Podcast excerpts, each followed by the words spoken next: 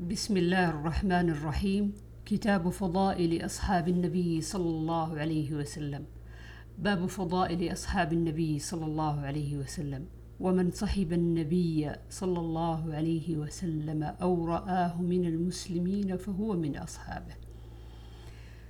عن جابر بن عبد الله رضي الله عنهما قال حدثنا أبو سعيد الخدري قال قال رسول الله صلى الله عليه وسلم يأتي على الناس زمان فيغزو فئام من الناس فيقولون فيكم من صاحب رسول الله صلى الله عليه وسلم؟ فيقولون نعم فيفتح لهم.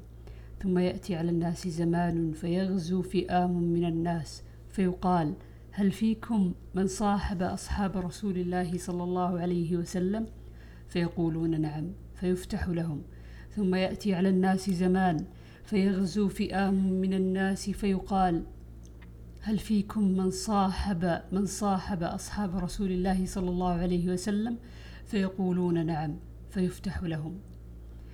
عن عمران بن حسين رضي الله عنهما قال قال رسول الله صلى الله عليه وسلم خير أمتي قرني ثم الذين يلونهم ثم الذين يلونهم.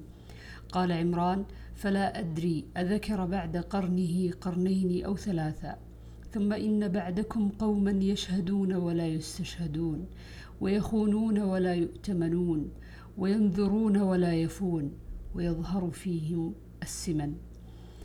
عن عبد الله رضي الله عنه أن النبي صلى الله عليه وسلم قال خير الناس قرني ثم الذين يلونهم ثم الذين يلونهم.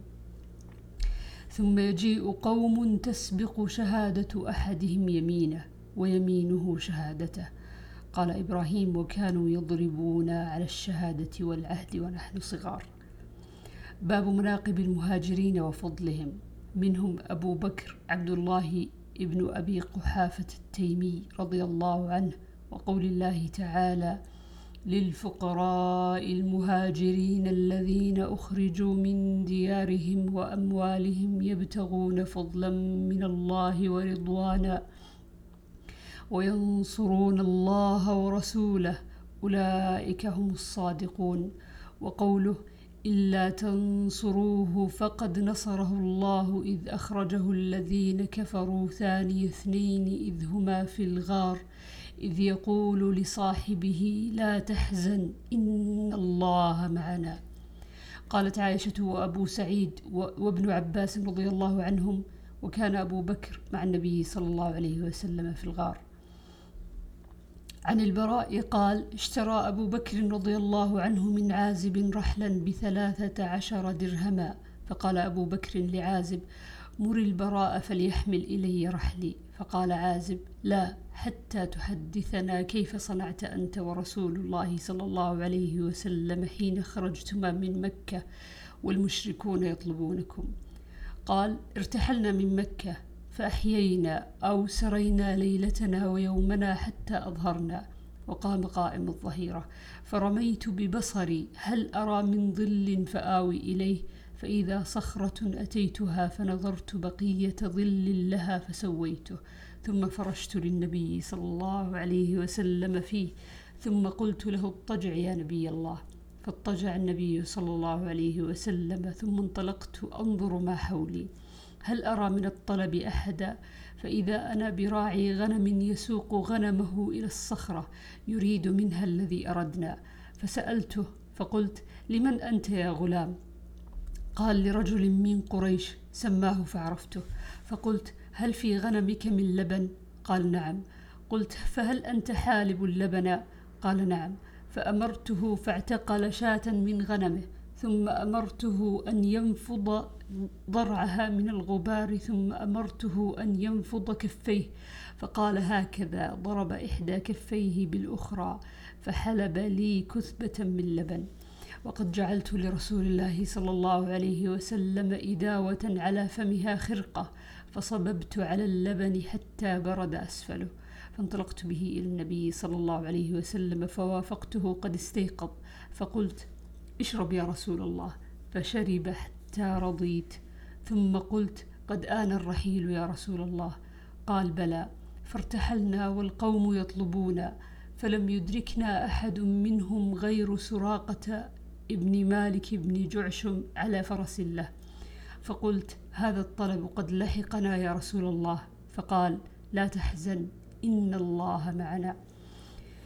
وعن أبي بكر رضي الله عنه قال قلت للنبي صلى الله عليه وسلم وأنا في الغار لو أن أحدهم نظر تحت قدميه لأبصرنا. فقال ما ظنك باثنين؟ ما ظنك يا أبي بكر باثنين؟ ما ظنك يا أبا بكر باثنين؟ الله ثالثهما. باب قول النبي صلى الله عليه وسلم سدوا الأبواب إلا باب أبي بكر. قاله ابن عباس عن النبي صلى الله عليه وسلم. عن أبي سعيد الخدري رضي الله عنه قال خطب رسول الله صلى الله عليه وسلم الناس وقال إن الله خير عبدا من عباده. عب إن الله خير عبدا بين الدنيا وبين ما عنده فاختار ذلك العبد ما عند الله. قال فبكى أبو بكر فعجبنا لبكائه أن يخبر رسول الله صلى الله عليه وسلم عن عبد خير فكان رسول الله صلى الله عليه وسلم هو المخير وكان أبو بكر أعلمنا. فقال رسول الله صلى الله عليه وسلم إن من أمن الناس علي في صحبته وماله أبا بكر. ولو كنت متخذا خليلا. غير ربي لاتخذت أبا بكر ولكن أخوة الإسلام ومودته. لا يبقين في المسجد باب سد إلا باب أبي بكر. باب فضل أبي بكر بعد النبي صلى الله عليه وسلم. عن ابن عمر رضي الله عنهما قال كنا نخير بين الناس في زمن النبي صلى الله عليه وسلم فنخير أبا بكر ثم عمر بن الخطاب ثم عثمان بن عفان رضي الله عنهم. باب قول النبي صلى الله عليه وسلم لو كنت متخذا خليلا قاله أبو سعيد. عن ابن عباس رضي الله عنهما عن النبي صلى الله عليه وسلم قال ولو كنت متخذا من أمتي خليلا لاتخذت أبا بكر ولكن أخي وصاحبي. عن أيوب وقال لو كنت متخذا خليلا لاتخذته خليلا ولكن أخوة الإسلام أفضل. عن عبد الله بن أبي مليكة قال كتب أهل الكوفة إلى ابن الزبير في الجد فقال أما الذي قال رسول الله صلى الله عليه وسلم لو كنت متخذا من هذه الأمة خليلا لاتخذته. أنزله أبا يعني أبا بكر.